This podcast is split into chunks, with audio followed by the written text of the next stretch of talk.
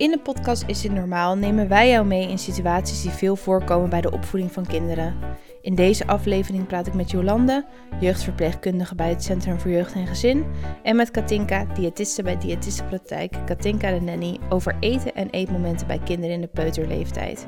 Hoeveel en wat moet een peuter eigenlijk eten? Hoe zit het precies met de ontwikkeling van eten en kinderen van baby tot peuterleeftijd? Wat doe je als je kindje minder eet? Of als hij of zij het eten uitspuugt op de grond? Hoe kun je er als ouder voor zorgen dat er meer plezier is aan tafel? En wanneer worden kinderen doorverwezen naar een diëtiste? En wat kan een diëtiste voor ouders betekenen?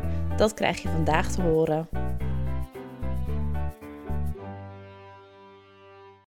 Nou, welkom beiden. Wat leuk dat jullie er zijn.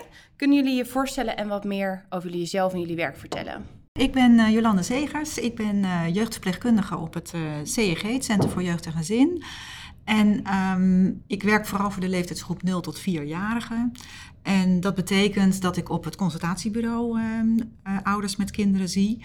En uh, dat ik zo nodig op huisbezoek ga als er um, wat meer tijd nodig is om over onderwerpen te praten. En onderwerpen kunnen dan zijn het eten, maar het slapen, zinnelijk worden, gedrag en ontwikkeling. Oké, okay. dat is het. Dankjewel.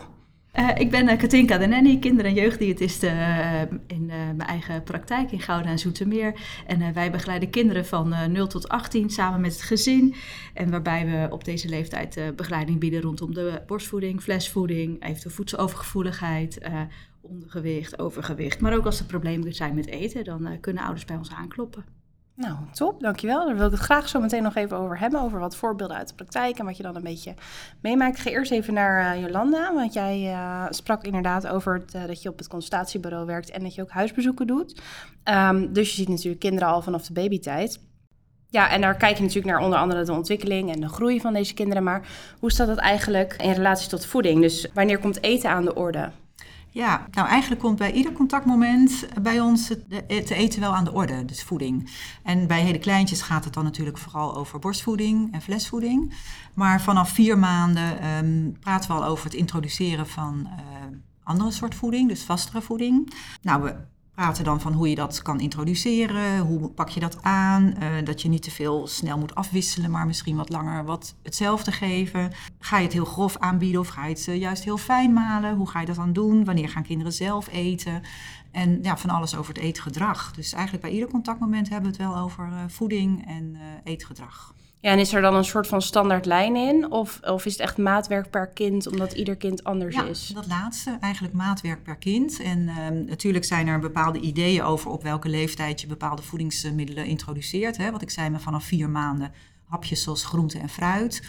En uh, daarna komt er meestal brood vanaf zes maanden. Dus je hebt wel een bepaalde volgorde. Maar we proberen heel erg maatwerk te leveren van waar lopen ouders tegenaan en... Um, ja, wat willen ouders zelf en daarop inspelen. Ja, ja, want kan je daar wat over vertellen, over die ontwikkeling van kinderen en uh, hoe dat in relatie staat met voeding? Ja. Um, ja, als je natuurlijk bijvoeding gaat introduceren, dan um, moeten kinderen ten eerste wennen aan uh, een andere vorm van eten. Dus bijvoeding plaats, is uh, vast groente en fruit. Ja, ja groente ja? en fruit mm -hmm. is eigenlijk het eerste waar je mee begint. Ja. En als je daarmee begint, dan moeten kinderen wennen aan zo'n lepeltje. Omdat tot nu toe is het alleen maar borst- of flesvoeding wat ze in hun mond krijgen. Dus een lepeltje is al een verandering. En de structuur van, dat, van die hapjes is natuurlijk anders dan melk. En als je het dan wat grover gaat aanbieden, dan moeten kinderen leren dat ze in hun mond daar eerst iets mee moeten doen. Dus dat ze met hun tong en kaken eerst even het moeten bewerken voordat ze het doorslikken. Een baby die is gewend, die voelt iets in zijn mond en die slikt dat gelijk door. En in het begin merk je dus ook dat kinderen zich verslikken. Als kinderen wat grover eten krijgen, dat ze ja, zich verslikken omdat ze proberen het direct door te slikken. En dat lukt niet. Maar goed, dat verslikken heeft wel een functie, want daardoor realiseren ze zich van, oh, ik moet er dus iets eerst mee doen met mijn tong en met mijn kaken, voordat ik het door kan slikken. Ja. Dus dat is natuurlijk een proces wat kinderen moeten leren. En daar geef je ouders dan ook wel voorlichting over. Dat ze niet schrikken van het verslikken en als reactie hebben van nou, ik geef het maar niet meer. Want ik vind dat eng. Want het moet toch een keer ja. komen, ja. Ja, door te blijven oefenen, dan leren kinderen het. En niet door te stoppen en later weer te proberen. En zijn er verder nog belangrijke momenten in de ontwikkeling als het om eten gaat? Of is het echt uh, dat vooral deze fase? Uh, dit is een belangrijke fase, maar wat ook een belangrijke fase is, is als de kinderen natuurlijk meer zelf willen doen. Hè? Dus die wilsontwikkeling die mee gaat spelen en dat ze ontdekken dat, uh, dat ze zelf eigenlijk de macht hebben over of je iets in je mond stopt of niet. ja, dat is natuurlijk een fase waarin ze gaan uitproberen en gaan kijken van wat gebeurt er als ik het er weer uithaal of wat gebeurt er als ik het op de grond gooi. Dus dat is ook een belangrijke fase en daar zie je ook nog wel eens gewoontes in ontstaan, ja, die misschien wel weer afgeleerd moeten worden en waar ouders dan moeite mee hebben. Zoals? Nou, zoals um, als kinderen bijvoorbeeld uh, eten weigeren dat ouders denken van nou, ik geef brood eet hij wel makkelijk, dus dat warm eten laten we maar zitten, dan geef ik maar liever brood. Of in plaats van brood, als ze dat niet willen, dat ze crackers proberen of ontbijtkoek of ander soort eten, wat dan misschien makkelijker gaat. Maar ja, uiteindelijk wil je toch dat je kind de normale dingen eet. Leuk om daar zo nog eventjes ja, uh, op door te gaan. Even op terug. Ja. Maar dan wil ik nog heel eventjes uh, naar jou, uh, Katinka, van ja, hoeveel moet een peuter eigenlijk eten? Wat is een beetje normaal? We zeiden net natuurlijk al met Jolande vanuit het verschilt natuurlijk ook per kind een beetje hoe je dingen aanpakt en in welke fase. Maar ja, wat kan je een beetje als normaal aanhouden? Ja, nou we hebben het dan inderdaad over een peutertje, hè, zo tussen de 1 en de nou, 3, 4 jaar. Dus die begint uh, net met eten. Ik hoop dat hij al die hapjes heeft leren eten. En rond die leeftijd is de ja, de inname hoeft ook niet meer zo heel veel te zijn. Het eerste jaar is er veel flesvoeding, veel hapjes. En ouders vergissen zich soms wel eens. Dat ze denken, oh, hè, maar dan moeten ze ook heel veel brood eten, heel veel groente, heel veel fruit. Hè, die zijn dat zo eigenlijk gewend. Maar eigenlijk heeft een peuzeltje maar zo'n 50 tot 100 gram groente nodig per dag. Dus dat is één opscheplepel. Dat kan zo bij de warme maaltijd zijn, maar dat kan ook gewoon eens tussendoor een stukje komkommer zijn of een worteltje of een tomaatje. Dat is natuurlijk ook groente. Als bij de avondeten wat lastig wordt, stukje fruit per dag. Denk aan een appeltje, een schaaltje druifjes, wat aardbeidjes, een klein banaantje, peertje. Uh, 300 milliliter zuivel. Dat kan zowel koemelkzuivel zijn, maar dat kan ook sojazuivel zijn. Denk aan wat melk of wat yoghurt of wat kwark wat je dan kan aanbieden. 300 milliliter, dat zijn ongeveer uh, 2, 3 glaasjes per dag twee tot drie boterhammetjes. En dan bij voorkeur de volkoren boterhammetjes. Doe daar wat uh, margarine op of wat halverine. En dan uh, ja, wat beleg dat je uh, daarin kan kiezen. Um, kijk voor wat zuivelspread of wat vegetarische vleeswaren. Of misschien wat fruitspread. Daar kan je eigenlijk best wel aardige keuze in maken. en bij de warme maaltijd Kinderen vinden vlees heel lekker. Ja, ze hebben zo'n 50 gram, is eigenlijk voldoende voor een uh, kindje van deze leeftijd. En als we dan even kijken in supermarktporties, dan is dat ongeveer een half stukje vlees wat wij als volwassenen eten. Een aardappeltje of een opscheplepeltje rijst of pasta. En dan ben je eigenlijk al compleet. Uh, je mag er eventueel met wat extra boter of wat olijfolie, kan je natuurlijk het eten klaarmaken. Of je doet het nog eventjes wat door de saus, zeker als kindjes wat lichter aan het worden zijn. En qua drinken is het nou, ongeveer 750 milliliter tot een eh, liter drinken per dag. Um, en niet te vergeten de noten. Maar ja, op deze leeftijd is noten eten natuurlijk wel een beetje gevaarlijk. Hè? De kans op verstikking is vrij groot. Dus uh, daarin adviseren we notenpasta. En dat kan je dan doen op een broodje of op een uh, crackertje. En op die manier heb je eigenlijk gewoon alle voedingsstoffen uh, ja, binnen die nodig zijn op deze leeftijd. Um, je ziet ook de groei hè, bij baby's. Baby's die zijn op het eind van het eerste jaar zijn ze drie keer hun geboortegewicht. Dus een kind van drie kilo weegt op het eind van het eerste jaar meestal 9 kilo. Terwijl in de peutertijd van 1 tot 2 groeien ze nog maar 2 à 3 kilo per jaar.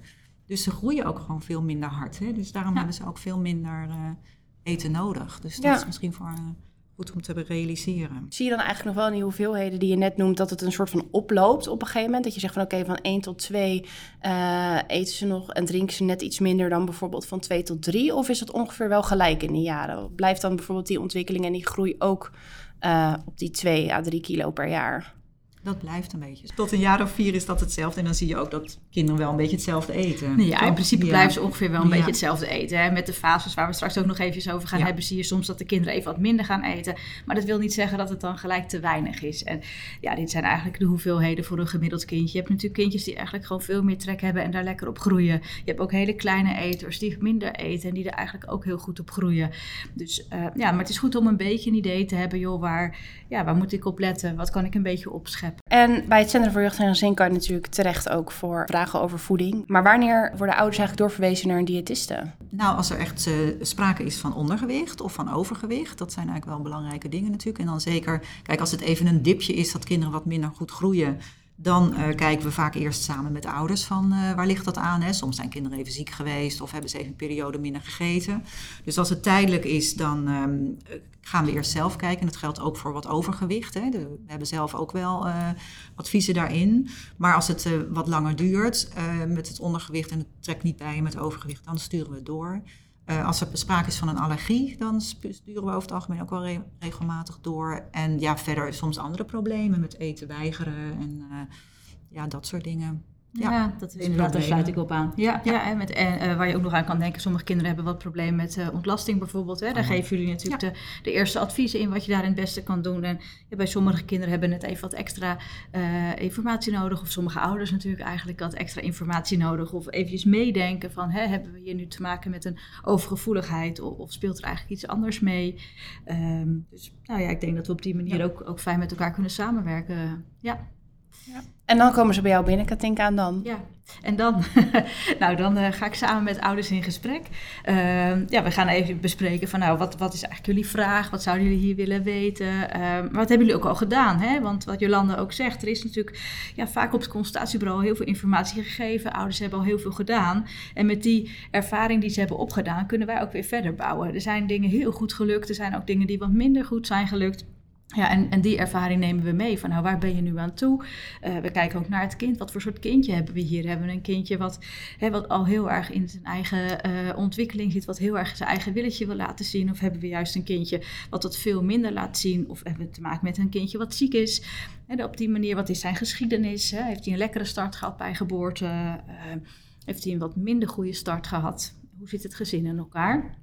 Dan lopen we de hele voeding door van nou, wat is het kindje gewend en dan kijken we wat we vervolgens kunnen aanpassen. Ja, dat is dus maatwerk. Hè? Elk gezin is anders, elk kind is anders. Ieder gezin heeft ook zijn eigen mogelijkheden om uh, dingen aan te passen. Stap voor stap om uiteindelijk te komen tot hè, het doel waarvoor het kindje bij ons is gekomen. Ja, mooi. Ja. Mooi, dankjewel. Um, net hadden we het natuurlijk al eventjes over het eetgedrag van peuters en dat je soms gedrag kan krijgen wat je niet wil. En ik hoor van ouders inderdaad dat dit uh, niet altijd even makkelijk is. Bijvoorbeeld dat kinderen alleen maar vlees willen eten en geen groenten. Hoort dat een beetje bij de normale ontwikkeling? Um, ja, dat denk ik wel. En je hoort ook heel veel dat inderdaad peuters groenten, groenten laten staan. En ja, ik weet niet precies waarom dat is hoor. Misschien toch de smaak die soms wat bitterder kan zijn. Of nou, het is wel vaak de groenten die ze laten staan. Aan de andere kant zie je ook wel vaak dat uh, peuters of wel heel goed brood eten en fruit en dan wat minder goed het warm eten, of andersom. Dat zie je vaak wel. En het is, eh, we zien niet zo heel veel kinderen die echt over de hele linie heel slecht eten. Dus ze compenseren ook nog wel enigszins. Als ze wat meer fruit en brood eten, dan eten ze iets minder avondeten. Dus dat zie je wel, uh, dat zie je gebeuren. En um, ja, het hoort dus ook bij dat proces van uh, uitproberen. Van um, wat bepaal ik zelf, wat bepalen mijn ouders, uh, wat stop ik in mijn mond. Ik wil zelf kijken wat ik in mijn mond stop en uh, ik wil zelf dingen doen, hè, dus ook het zelf eten en zelf keuzes maken. Dus dat is wel onderdeel van de normale ontwikkeling. Ja. Er zit ook een stukje biologische ontwikkeling bij, bij de kinderen. Rond de leeftijd van ongeveer anderhalf jaar ontstaat er eigenlijk een fase, we noemen dat ook wel neofobie uh, in de wetenschappelijke literatuur. En dat is eigenlijk een fase waarbij alle kinderen eigenlijk opnieuw hun eigen uh, smaak gaan ontwikkelen. Ze vinden dan heel veel dingen vies. Um, moeten helemaal opnieuw ontdekken qua smaken, geuren, structuren rondom het eten. En wil dat nou net tegelijk samenlopen met wat Jolanda zegt, het ontwikkelen van je eigen wil, ja, dan heb je natuurlijk eigenlijk op dat moment echt een hele lastige fase waar je als ouder even doorheen moet. Maar weet dat het dus in de normale ontwikkeling hoort en ook gewoon eigenlijk biologisch is bepaald dat er zo'n uh, fase op dat moment komt. Uh, nou, blijf dan uh, vooral ook wel aanbieden, want het is ook wel weer een fase die eigenlijk ook wel voorbij gaat. En als je het niet meer aanbiedt, zoals al eerder in dit gesprek uh, is benoemd, dan kan er ook geen leermoment meer zijn, want dan is het er gewoon niet meer. Nee. nee. Hebben jullie verder nog andere praktische tips voor ouders, behalve dus inderdaad blijven aanbieden, zodat het, ja, zodat de peuter het wel gaat eten? Nou ja, het blijven aanbieden. Kijk, wat ouders dan soms zeggen als wij zeggen van blijf het maar aanbieden, dan zeggen ouders van ja, maar hij stopt het wel in zijn mond, maar haalt het er weer uit. En dan gooit hij het alsnog op de grond. En op zich dat op de grond gooien, oké, dat is een grens, dat doen we niet. Maar het uit je mond halen is helemaal niet zo erg. Want iets eten wat je al in je mond hebt gevoeld en het er dan weer uithaalt, dan heb je het wel geproefd. Dus het helpt wel mee in het proces van wennen aan een bepaalde soort voeding. Dus dat soort informatie geef je dan aan ouders. En dan kunnen ouders daar alweer wat meer ontspannen mee omgaan. En um, ja, wat wij eigenlijk altijd wel proberen te, te bespreken met ouders, van probeer de sfeer aan tafel toch zo positief mogelijk te houden. Want wat je soms ziet, als je gaat uh, dwingen of je gaat een strijd met je kinderen aan, dan maak je dat eetmoment eigenlijk uh, een heel negatief moment. En dan gaan kinderen er eigenlijk al tegenop zien voordat je gaat eten. En um, ja, dan heb je de kans dat ze niet gaan eten of daar juist heel erg mee gaan zitten spelen of daarmee heel erg aandacht gaan trekken, wordt groter. Terwijl als je de sfeer positief houdt en eigenlijk het niet eten niet zo heel veel aandacht geeft, maar het wel eten juist meer aandacht geeft, dan zie je soms dat het toch ook wel ehm, ja, redelijk vanzelf gaat. En ook niet de hele tijd praten over dat eten. Gewoon ook over iets anders praten. Praten over de dag, praten over wat er gebeurd is op school of praten wat je op je werk hebt. Dus gewoon de aandacht daar ook gewoon een beetje van afleiden. En soms zie je dat als kinderen zo gezellig aan tafel zitten, dat ze vanzelf toch wel eens wat in hun mond gaan stoppen. Ja. Dus dat, is wel, dat vinden wij altijd wel de belangrijkste om die ehm, te bespreken met ouders. Ja, dus de positiviteit bewaren eigenlijk door, door inderdaad als kinderen wel eten te benadrukken en verder over andere dingen te hebben. Ja. ja. En daarbij natuurlijk ook wel duidelijk je grenzen stellen in de zin van als kinderen gaan gooien met eten of het in hun haar gaan smeren. Ja, weet je, dat, dat je duidelijke regels hebt van oké, dit kan wel en dit kan niet. En dan ook een consequentie daaraan verbinden. Dat, dat is ook wel belangrijk dat kinderen wel duidelijkheid hebben van wat wordt er van mij verwacht. Ja. Ja, en dat spelen met eten, zoals ik dat eigenlijk altijd noem, hè, in je mond en uit je mond, dat is zo effectief en dat geeft vaak wel een hele smeerboel. Uh, maar dat is juist iets wat wij eigenlijk altijd proberen te promoten. Op het moment dat de kinderen het met hun handjes ook het eten kunnen aanraken, er lekker mee kunnen voelen, dan automatisch gaat er eigenlijk al een signaal naar het brein van hé, hey, maar broccoli dat voelt een beetje met die kleine balletjes. En aardappeltjes juist weer heel zacht als ik dat eigenlijk met mijn handjes uh, al voel. Dus ik weet ook dan hoe hard moet ik kauwen, uh, hè, hoe moet ik het doen, hoe moet ik het doorslikken. Dat zijn eigenlijk allemaal al fases die meespelen. Dus ja, het wordt inderdaad soms een beetje kliederbende waarin je wat afspraken met elkaar moet maken. Maar soms is het, dus, of eigenlijk meestal is het ook gewoon heel effectief. En uh, nou, met een vorkje of een lepeltje eten, dat komt op een later moment wel weer. En dat kan je natuurlijk vaak ook wel samen doen. Ja. zeker met die eerste hapjes is het ook handig om een beetje de combinatie erin te maken. En uh, bij een peutertje is het denk ik ook goed om als ouders ook je eigen eten te blijven eten. Hè? Dus je hoort ook vaak ouders waarbij het kind even wat minder goed gaan eten, dat ze dan heel erg gaan koken naar wat hun zoon of dochter eigenlijk het lekkerst vindt.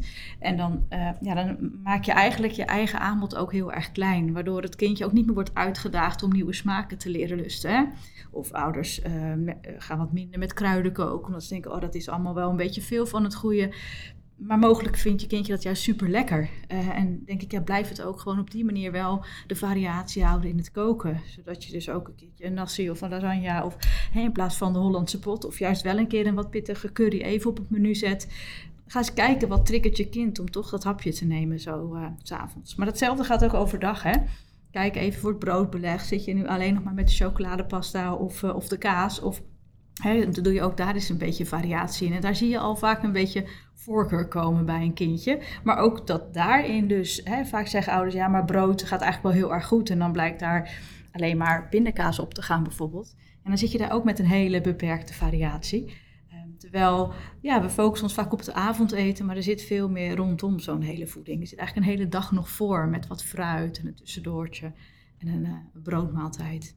Ja. ja, het is ook goed om het inderdaad als een complete dag te zien. Hè? Dat je niet alleen maar focust op één maaltijd. Want dat is wat ouders soms ook wel uh, doen. Omdat warm eten vaak toch de belangrijkste maaltijd is. En daar focussen ze op. Terwijl wat ik al eerder zei, ze compenseren ook wel kinderen met andere voedingsmiddelen tijdelijk. Ja. Wat soms ook heel goed helpt, is als je kinderen wat meer betrekt bij het... Uh, bij het creëren van de maaltijd. Hè? Dus bijvoorbeeld met het brood smeren, maar ook met warm, warm eten. Hè? Je kunt kinderen best als je aardappelen aan het schillen bent, dat een kind het in een pannetje mag doen of uh, in het water even mag wassen of dat soort dingen. En je ziet soms als kinderen daar wat meer bij betrokken raken, ja, dat ze ook wel wat meer met dat eten krijgen. En dat het ook leuker wordt om het dan, als het eenmaal klaar is, om het op te gaan eten. Omdat ze mee hebben gewerkt aan het creëren. Eigenlijk ook weer die positiviteit die, je, die je net noemde. Klopt, ja. Ja. ja, en zijn dit dan een beetje de, de grootste uitdagingen die jullie uh, in de praktijk tegenkomen? Of zijn er nog meer dingen die jullie vaak van ouders horen waar ze tegenaan lopen?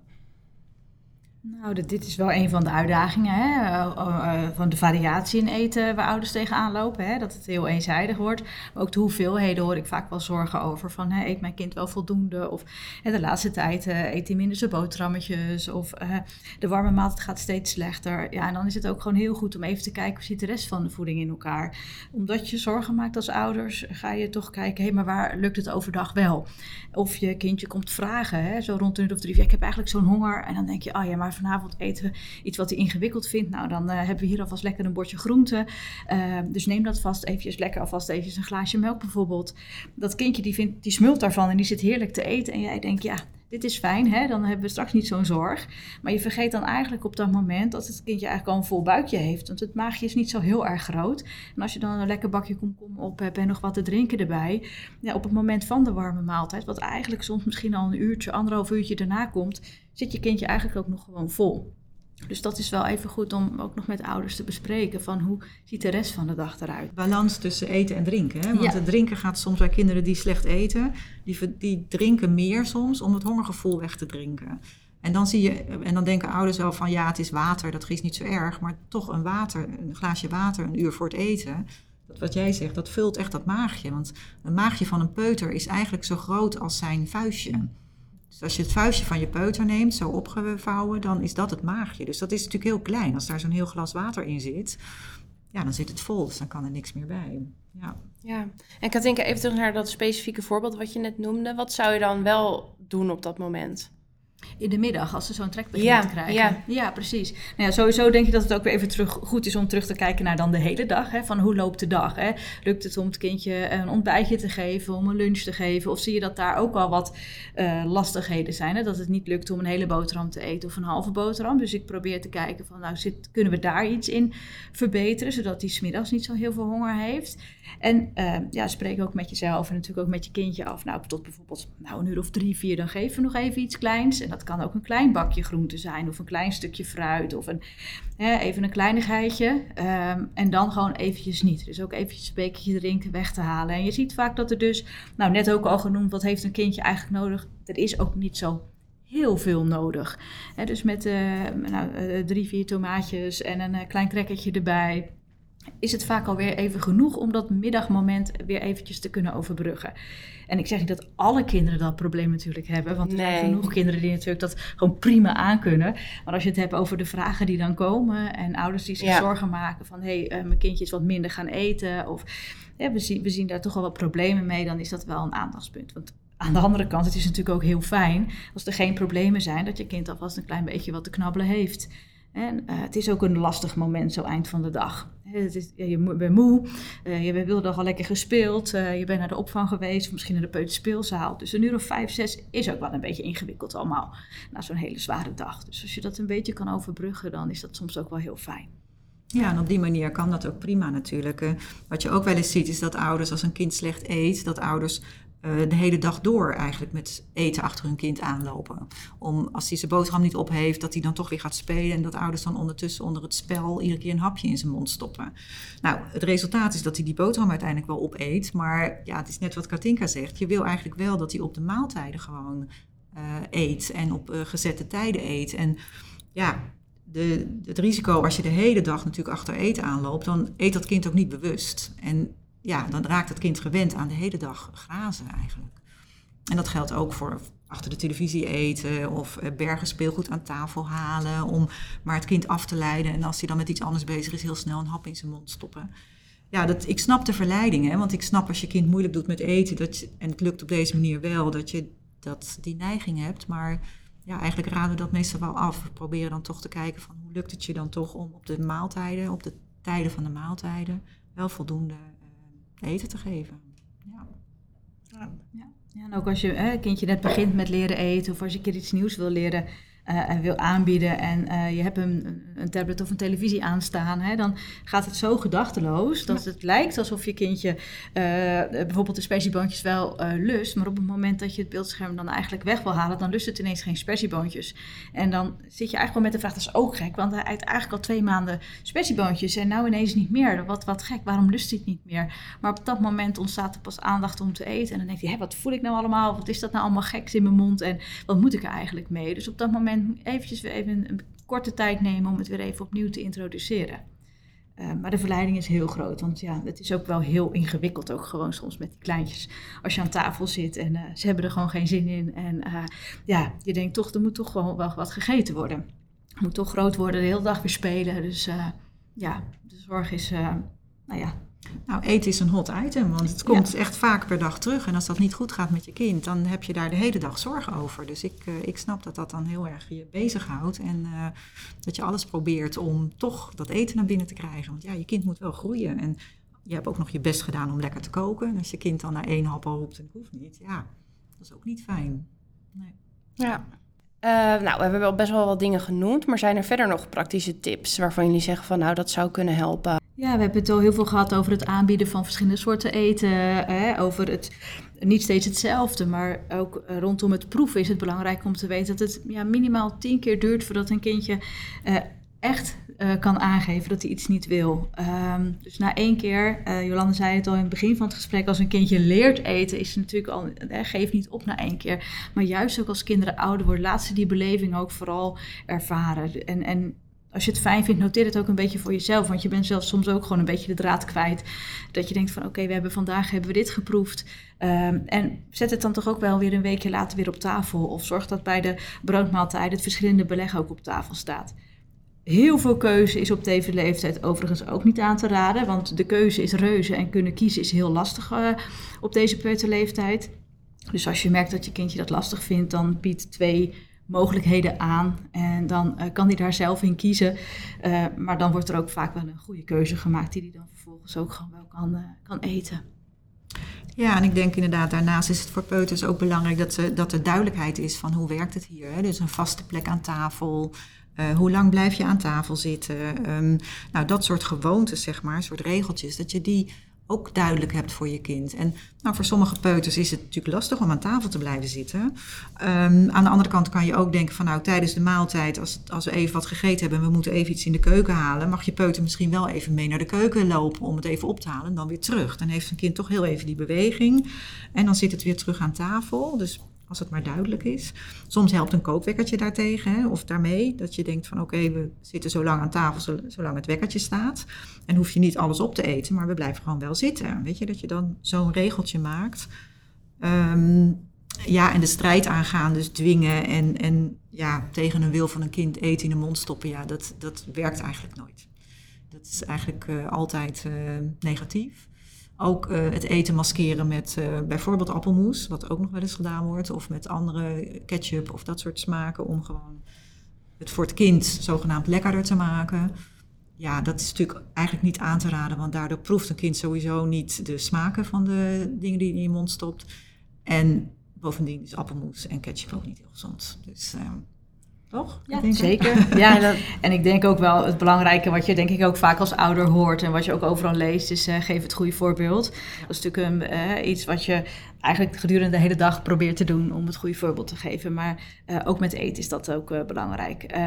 En dat betekent niet dat je met elkaar heel overdreven hoeft te zeggen hoe lekker het wel niet is en hoe goed er is gekookt. Want dan gaat toch ook wel weer de aandacht, heel erg de aandacht naar dat eten toe.